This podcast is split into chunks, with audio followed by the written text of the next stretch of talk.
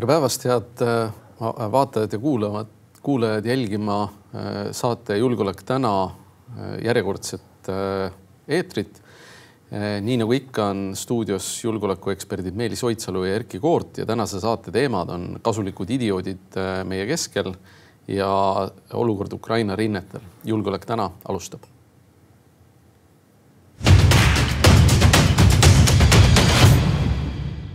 nii enne kui me läheme saate teemade juurde, eh, anname korraks ülevaate, mis on toimunud eh, septembri siis eh, meie viimasest saatest alates ajaloos.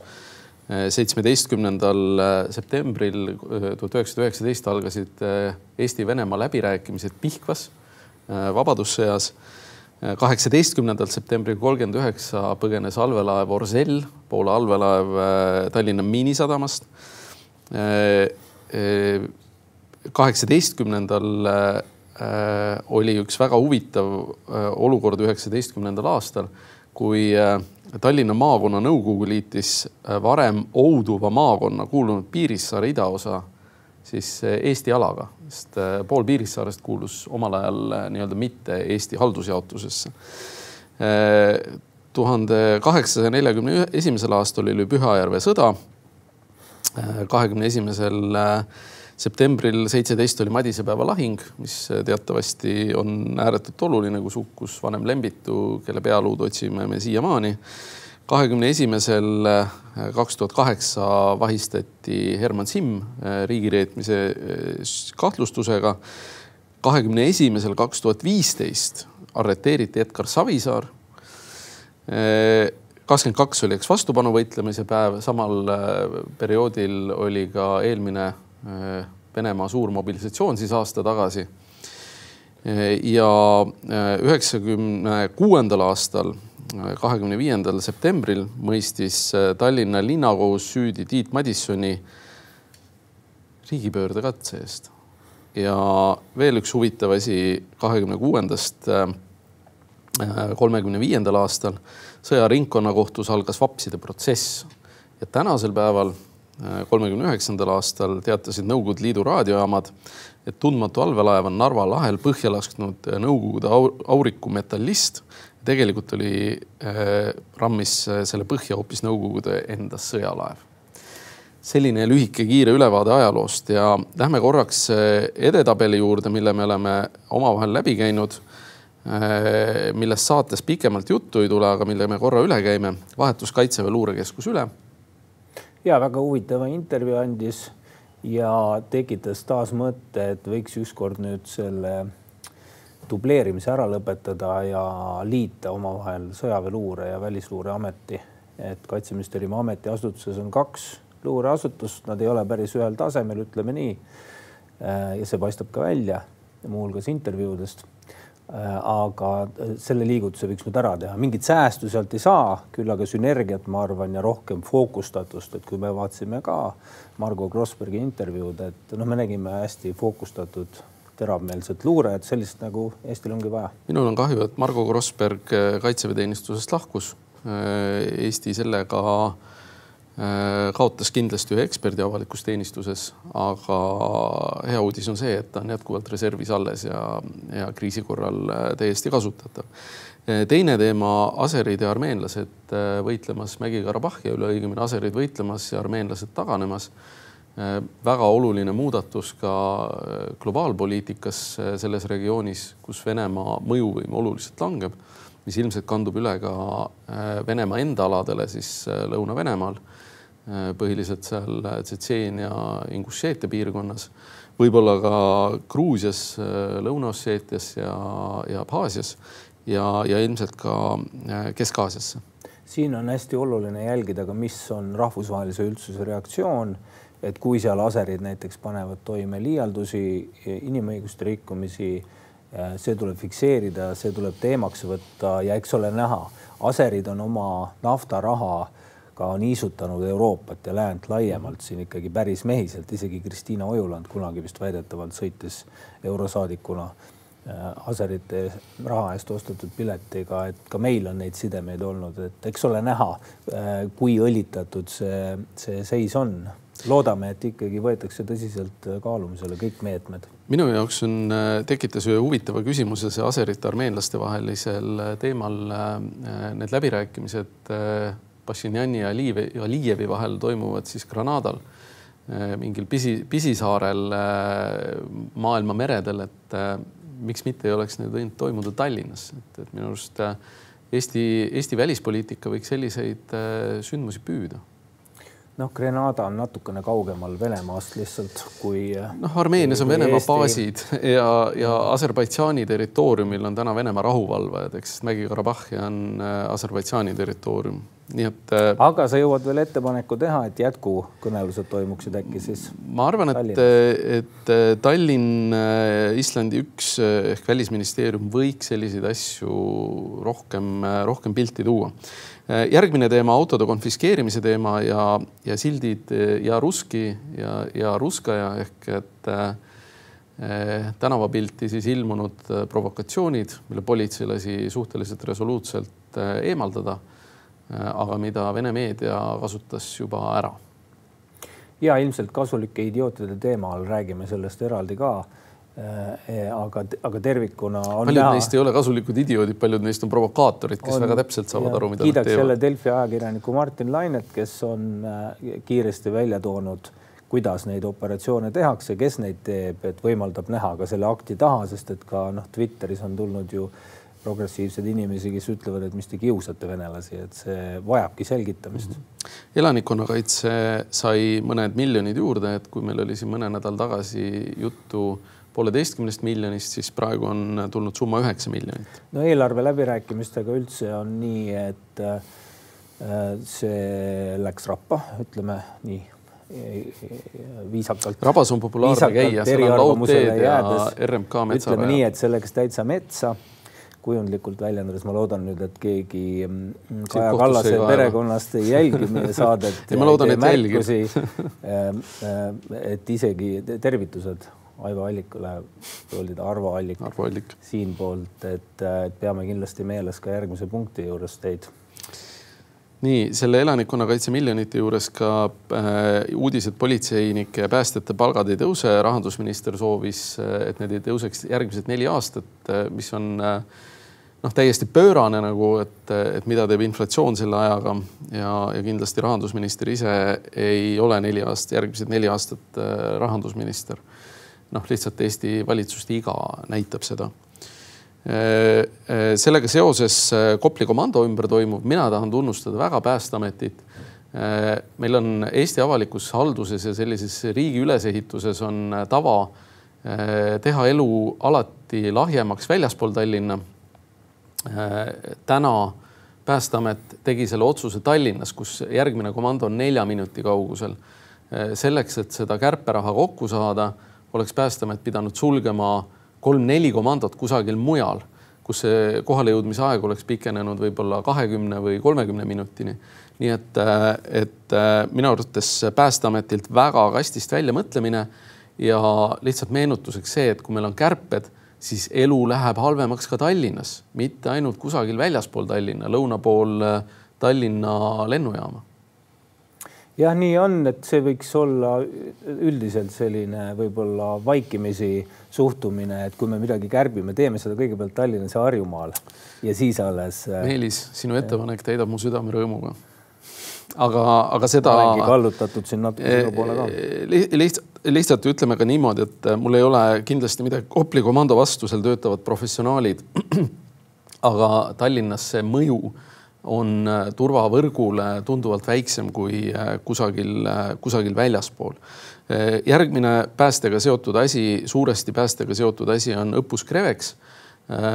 väga suur õppus Riigikantselei, siseministeeriumi, Päästeameti korraldusel, kus reaalselt ka evakueeritakse inimesi, et väga suur tunnustus, kui see õppus õnnestub ja, ja mul pole tegelikult kahtlustki, et see ei peaks õnnestuma ja no eks neid tuleks tegelikult teha praeguses julgeolekukeskkonnas igal aastal et lihtsalt eelmine samaväärne õppus, kus evakueeriti nii palju inimesi, toimus kaks tuhat üksteist mhm. ehk kaksteist aastat tagasi. täpselt ja see on olemuselt ikkagi puhas logistiline protsess ja kui sa kord kümnendis seda harjutad, siis seda protsessi tegelikult ei ole mm. -hmm. sest isegi kui need praegused harjutajad saavad midagi selgeks, siis paari aasta pärast on uued inimesed ja see teadmuslünk endiselt alles tõsi, eriti poliitilisel tasandil ja viimane selline äh, nagu highlight äh, sellest äh,, sellest perioodist oli Läti droon eksis Venemaale kaitseväe õppuste käigus. vähemalt arvatakse. jah, sellega seostusid ka naljakad sellised äh, teated Lätist äh,, ametlikud teated isegi vist kaitseministri tasemel, kuidas nad teevad võtavad meetmeid, et olukorra eskalatsiooni vältida. jälle tulen tagasi Soome suursaadiku Sven Sakkovi essee juurde, kus ta räägib sellest eskalatsiooni hüsteeriast. no see oli kõige ehedamal kujul nüüd see, et droon eksib ära kuhugi ja me teeme juba pressiavaldusi. ma olen kindel, et nad ei teadnud sada prossa, et see droon üldse seal on lihtsalt ei olegi võimalik, kui sul side kaob ära, siis sul ei olegi, vaatad viimast jälge, aga sa ei tea, kuhu ta maandub ja ei tea ka seda, kas see võeti elektroonilise ründevahenditega hoopis maha venelaste poolt. et noh, sellises olukorras teha selliseid avaldusi näitab jälle, et äh, kõrvade vahel on, vajab päris palju muutmist ja ma arvan ka, et ei maksa olla nii äh, ülitundlik või enesetsensuuri tekitada. aga äh, see teema on läbi käidud ja lähme saate esimese teema juurde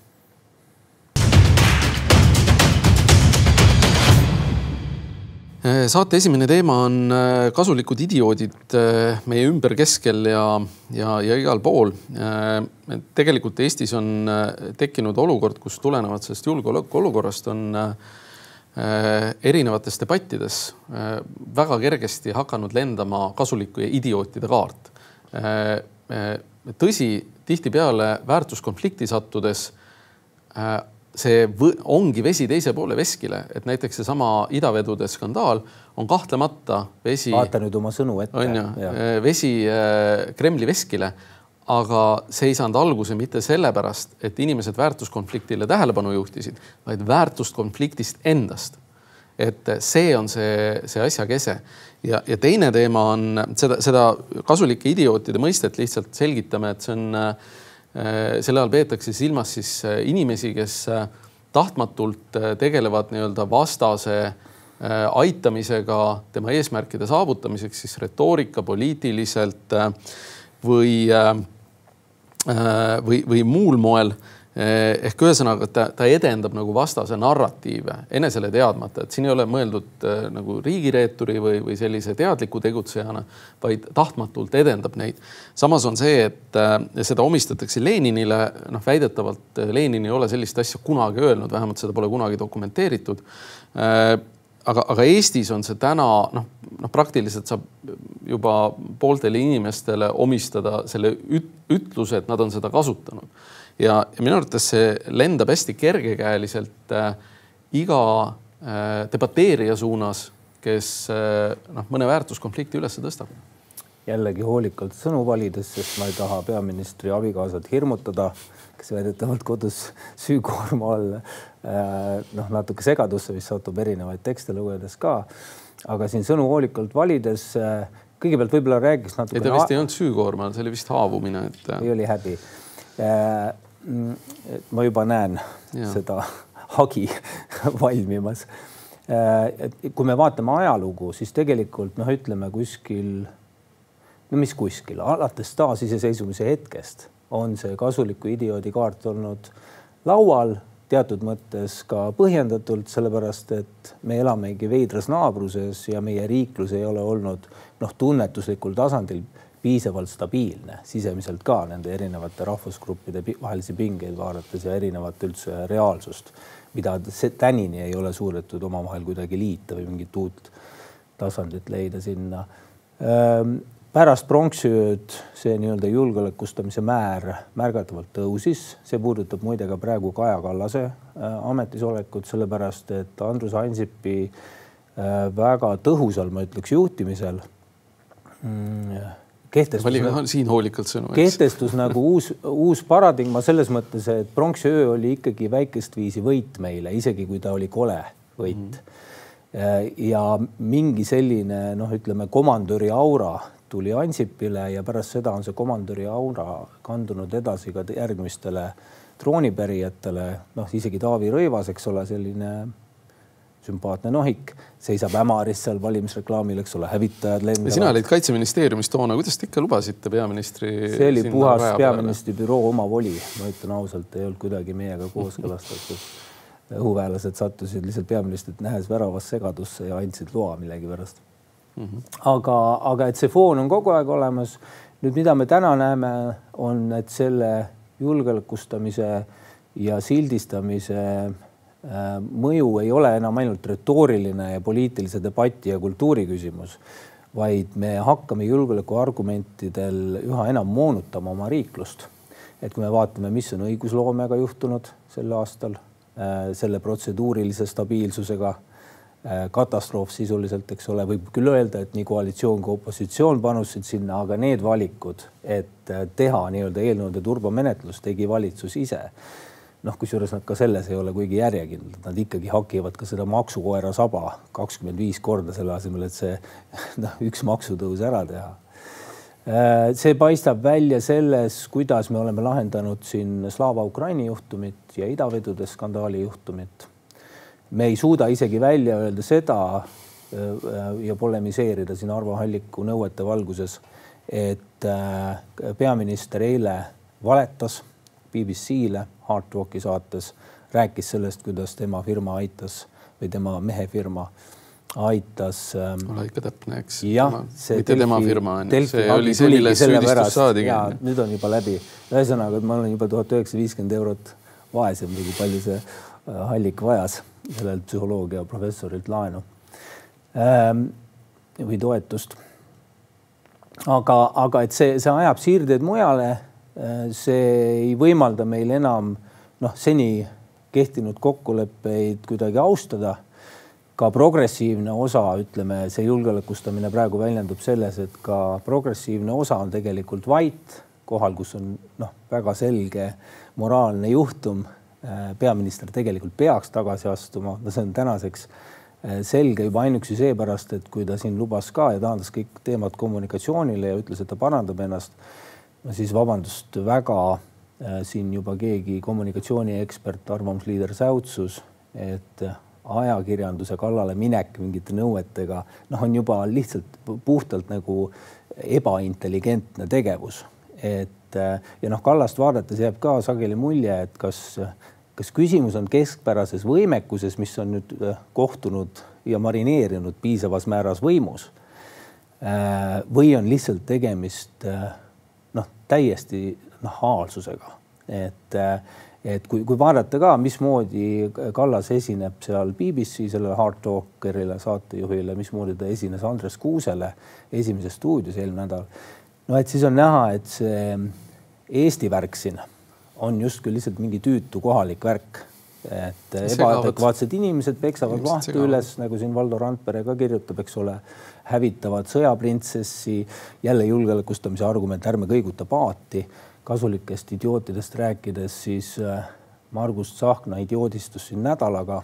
kõigepealt, äh, kui see skandaal puhkes, siis ta ütles, et äh, see on sügav moraalne probleem ja just nädal aega hiljem või mis oli paar nädalat läks tal aega selle pehkimisega Margus Tsahkna muuseas. Äh, siis järsku, järsku oli see kõik lihtsalt äh, poliitiliste oponentide üles peks, üles pekstud vaht.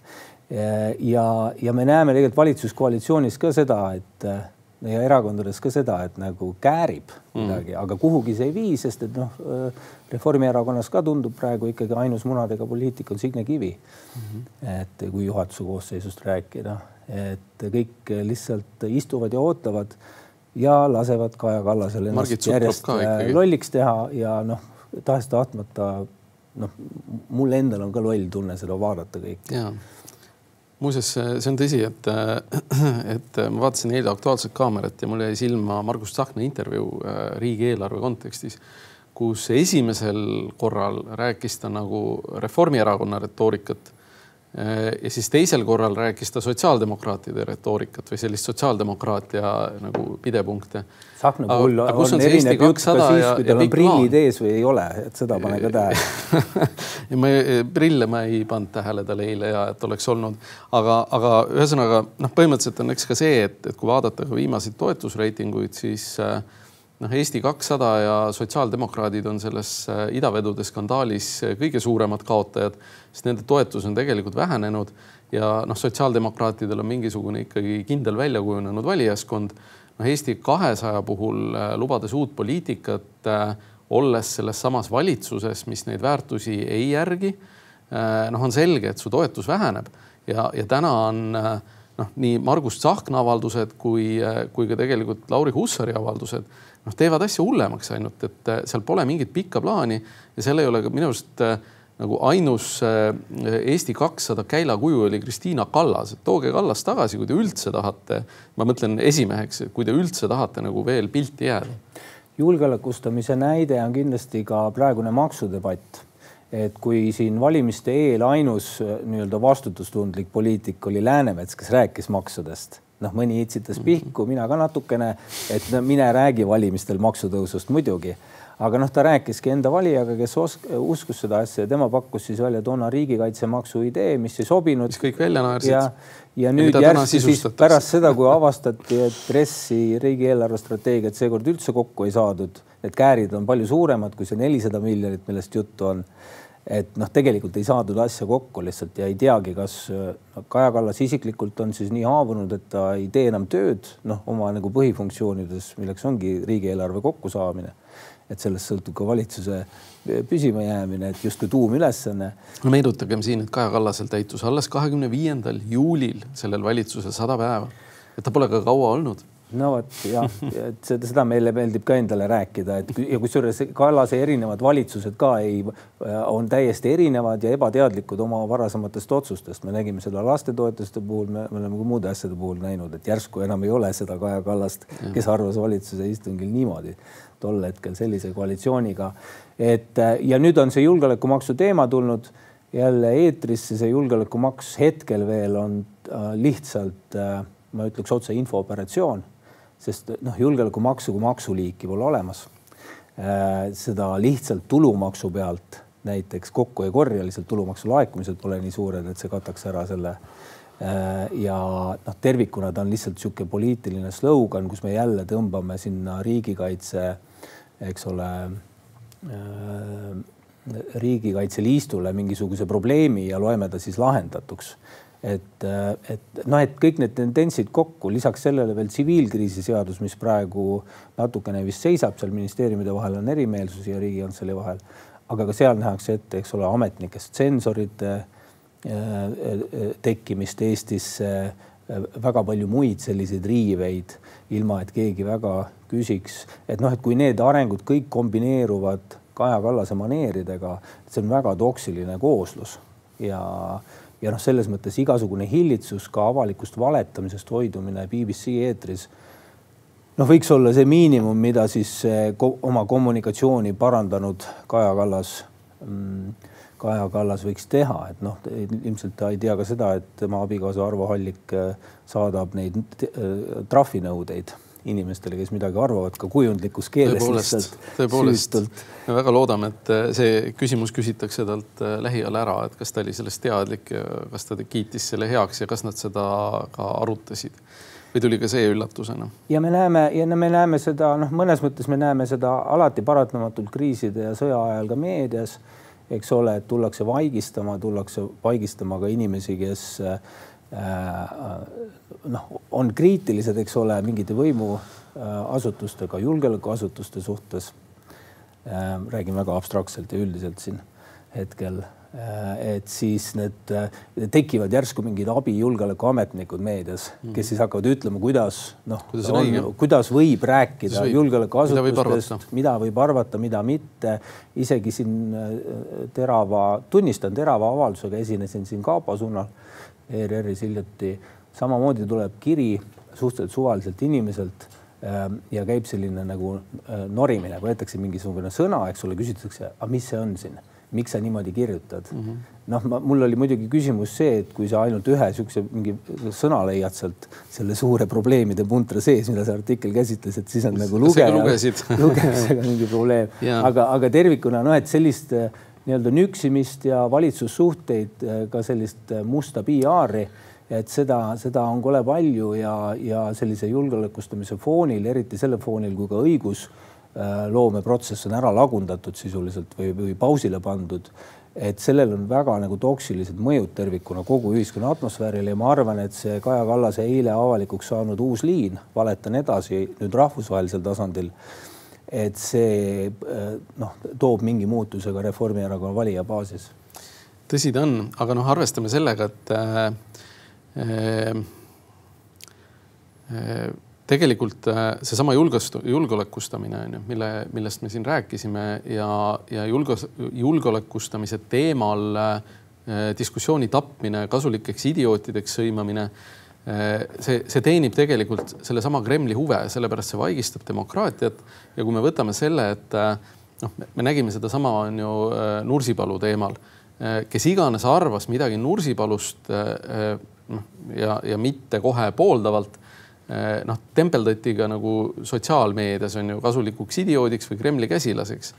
et lugupeetud kodanik, kes sa Twitteris tweetid ja elad Viimsis noh, sinu asi ei ole öelda, kuidas mujal Eestis peab elama või sul ei ole selles osas monopoli. loomulikult sinna Nursipalu juurde ilmus ka igasuguseid karvaseid ja sulelisi ja kaasa arvatud neid koosaktiviste ja mõnes mõttes see, see Nursipalu inimene jäi oma murega üksi, sellepärast et tal oli valida, kas noh, kaitseministeeriumi suhteliselt ebaõnnestunud kommunikatsioon või teiselt poolt mingisugused äh, tüübid, kes püüdsid seeläbi nagu oma poliitilist äh, nagu nivood tõsta. jah, aga siin ma jälle. ja samamoodi on idavedude skandaalis. siin ma jälle kiidaks Delfit, kes Nursipalu asjus minu arust ka puht äh, ilusasti tõi välja, et kes on tegelik muretseja ja kes on käsilane, et meedia, õnneks meedia teemat kokkuvõttes, õnneks meedia läbinägemisvõime on ka kasvanud mm -hmm. seoses selle kogemusega, et see autokleepsude kampaania, mis siin ka mm -hmm. Twitteris diskussiooni osaks sai, et kas selle kajastamine ikka ei ole Vene huvide teenimine ei, kui seda ongi tehtud nii, nagu Martin Laine seda tegi, kus on nagu noh, uurivad. ma arvan, seda on täitsa adekvaatselt kajastatud ja. kõikides meediaväljaannetes, see on täiesti normaalne. ja mida rohkem me seda julgeolekutrummi ja kasulikku idiooditrummi nüüd taome kõige selle seda toksilise õhustiku peale, seda keerulisemaks meil läheb tegelikult ja. ühiskonnana üldse milleski kokkuleppele jõuda nii, aga tõmbame selle teema kokku, et kasulikud idioodid ja julgeolekustamine on läinud äh, nagu sellesse staadiumisse, kus tegelikult see äh, hakkab demokraatlikku debatti äh, ohustama ja äh, selle kergekäeline kasutamine teenib tegelikult Kremli enda huve, sellepärast et äh, debatti tappes eemaldume me demokraatlikest väärtustest. aga vahetame teemat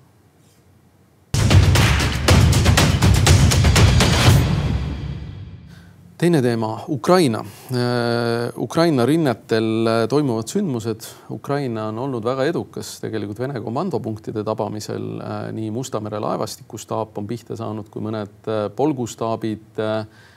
Kurskis üks lennuväljal asuv staap. Ukraina suhtes on tehtud otsus, eks anda talle need pikamaa-raketid mis on jälle väga oluline nagu samm või selline. mida ei ole arvuliselt küll palju, sest ameeriklaste varud pole väga suured. no just on ju, aga, aga selle, selle koha pealt on ta ikkagi noh, samm edasi. ja noh, see koht, kuhu me praegu oleme jõudnud, on selline ütleme natukene hirmutav koht või et praegu me oleme jõudnud sellesse tõehetke siin, kui vaadata kaitseministeeriumi kantsleri säutse ka Twitteris et siis tema äh, toob ka üha rohkem esile seda, et kuna see on pikk sõna, sõda, et see ütleme, kõige tõenäolisem edu, mis see aasta võib-olla saadetakse, saavutatakse, on see, et Melitopol äh, võetakse ära või siis survestatakse seda nii palju, et põhimõtteliselt lüüakse varustusteed Krimmi äh, pooleks. ja, ja hakatakse sealt siis edasi läbi rääkima või siis sõdima aga mis on juhtunud, on see, et me ei ole selget signaali näinud ei poliitilise lõpplahenduse osas läänelt. siin hiljuti äh, äh, räägiti ka äh, äh siin Tsahkna ja Pistoriuse Saksa kaitseministri kohtumisel sellest, et millised võiksid olla reaalselt Washingtoni tippkohtumisel Ukraina perspektiivid ja no vastused ei olnud julgustavad, et pigem nagu tundub, et ei tule sealt midagi ja teisalt see materiaalne varustussuutlikkus.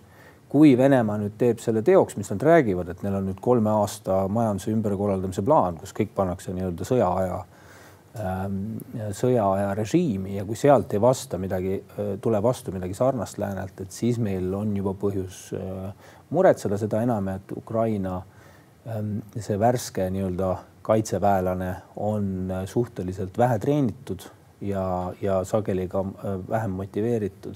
et need faktorid kõik hakkavad mängima mingi hetk. Ja meenutame seda, et äh, Ukraina sõjakomissariaatides avastati mastaapne korruptsioon, äh, kus vähe motiveeritud inimesed siis rahaga püüdsid pääseda. nüüd, kui needsamad vähe motiveeritud inimesed enam rahaga pääseda ei saa, rindele jõuavad, siis on tõepoolest see motivatsioon ka selles sõjas nii-öelda rünnakule minna Äh, natukene väiksem kui, äh, kui, kui varem vabatahtlikel liitujatel. võitlustahe pole see, mis kaitsetahe ja kõik, kes rindele lähevad, ka suur osa neist, kes rindele lähevad, ei sõdi tegelikult mm. -hmm. tõsi, äh, üks oluline märgiline sündmus oli ka Ukraina-Poola tüli, et, et Poolal on teatavasti on üks selline nagu arusaam, et, et Poola ilma Ukraina püsimiseta noh, Poola püsimine ilma Ukraina püsimiseta satub ohtu ja, ja tegelikult eh, noh, see tüli tekkis, avalik värelus tekkis nii Ukraina poolt kui Poola poolt. aga noh, tuleb arvestada, et äh, muidugi sõjaväsimus on mitte ainult ukrainlastel, vaid kogu Euroopas. ja noh, ütleme Venemaa poolt seda sõjaväsimust selles suhtes ei paista, et neil lihtsalt ei ole valikut Venemaa on tekitanud ka teisi dilemmasid läänele, rändesurve on jälle kasvanud siin rändeekspert Gert Valdaru tegi vahepeal juba sellise nii-öelda ohukommunikatsiooni projekti, käis igal pool, üritas äh, eestlasi ka üles äratada sellele. Äh, aga noh, probleem on suur, see, mis seal Vahemerel ka praegu toimub, on võrreldav sellega, mis oli kaks tuhat viisteist rändekriisi ajal. Äh, ja eks me näe, mida teeb siis Venemaa nüüd järgmise poole aasta, aasta jooksul mingid noh, olulised otsused tuleb neil ära teha, kas mobiliseerida täiendavalt, mis on halb uudis Ukrainale, nii katastroofiliselt halvaks, kui me ka ei pea Vene vägede kvaliteeti, kvantiteeti neil endiselt jagub, Ukrainal hakkab see personali otsast ka natukene ähm, mingi hetk noh, järgi andma. ja Ukraina toetamine selle relvastusega ja, ja, ja poliitiliselt ja majanduslikult noh, on vältimatult vajalik selleks, et see äh, Venemaa taasrelvastumine äh, ja, ja taas ohtlikuks muutumine äh, kuidagigi moodi tõrjuda, et Ukraina on demilitariseerinud Venemaad väga-väga hästi. aga on selge, et Ukraina üksi seda sõda ei võida ja selleks on vaja lääne toetust ja, ja noh, hästi oluline selle juures on ka see, et lääne poliitikud oleksid selle toetuse juures usutavad et noh, näiteks siinsamas eelmise teemaga seoses, eks ka Politico kirjutas, et Ukraina Kaja Kallase näol kaotas ühe väga tõsise eestkõneleja, usutavuselt eestkõneleja, millest on väga kahju, sellepärast et Eesti eh, noh, peaminister on kindlasti teistsuguse kaaluga kui, kui, kui kes iganes teine Eestist nagu selle noh, kasvõi ülemkogu laua taga näiteks. me nägime ÜRO-s ka võib-olla üks uudis eelmisest kahest nädalast ÜRO-s arutati muuhulgas Eesti eestvõttel siis äh, julgeolekunõukogu reformi ja väga hea oli näha president Karist väga hästi mhm. seletamas eestlastele, mis asi see on, mida ta seal ÜRO-s äh, ajamas käis ja tal tuli see väga hästi välja, et nüüd võib-olla tulekski rõhku panna äh, presidendile rohkem ja välisministrile, et Kallas on seni ikkagi kogu välispoliitilise agenda usurpeerinud ja teeb noh, välisministri tööd poole oma -hmm. ajast. et temal tuleks just nüüd aega vabastada, et ta lõpuks peaministri tööd ka tegema hakkaks nii, aga tõmbame teema kokku, et äh, ukrainlastel on aega veel äh, läbimurdeks äh, või selliseks aktiivseks sõjafaasiks umbes kuu, olenevalt ilmastikust. olukord on ka rakettide ja, ja vägede osas justkui soodus, aga noh, on selge, et ka teine pool ei maga ja, ja pole ka välistatud, et teeb mingeid samme, on see siis täiendav mobilisatsioon või midagi muud, mis seda olukorda veel muudavad. aga suur tänu vaatamast-kuulamast, rahulikku päeva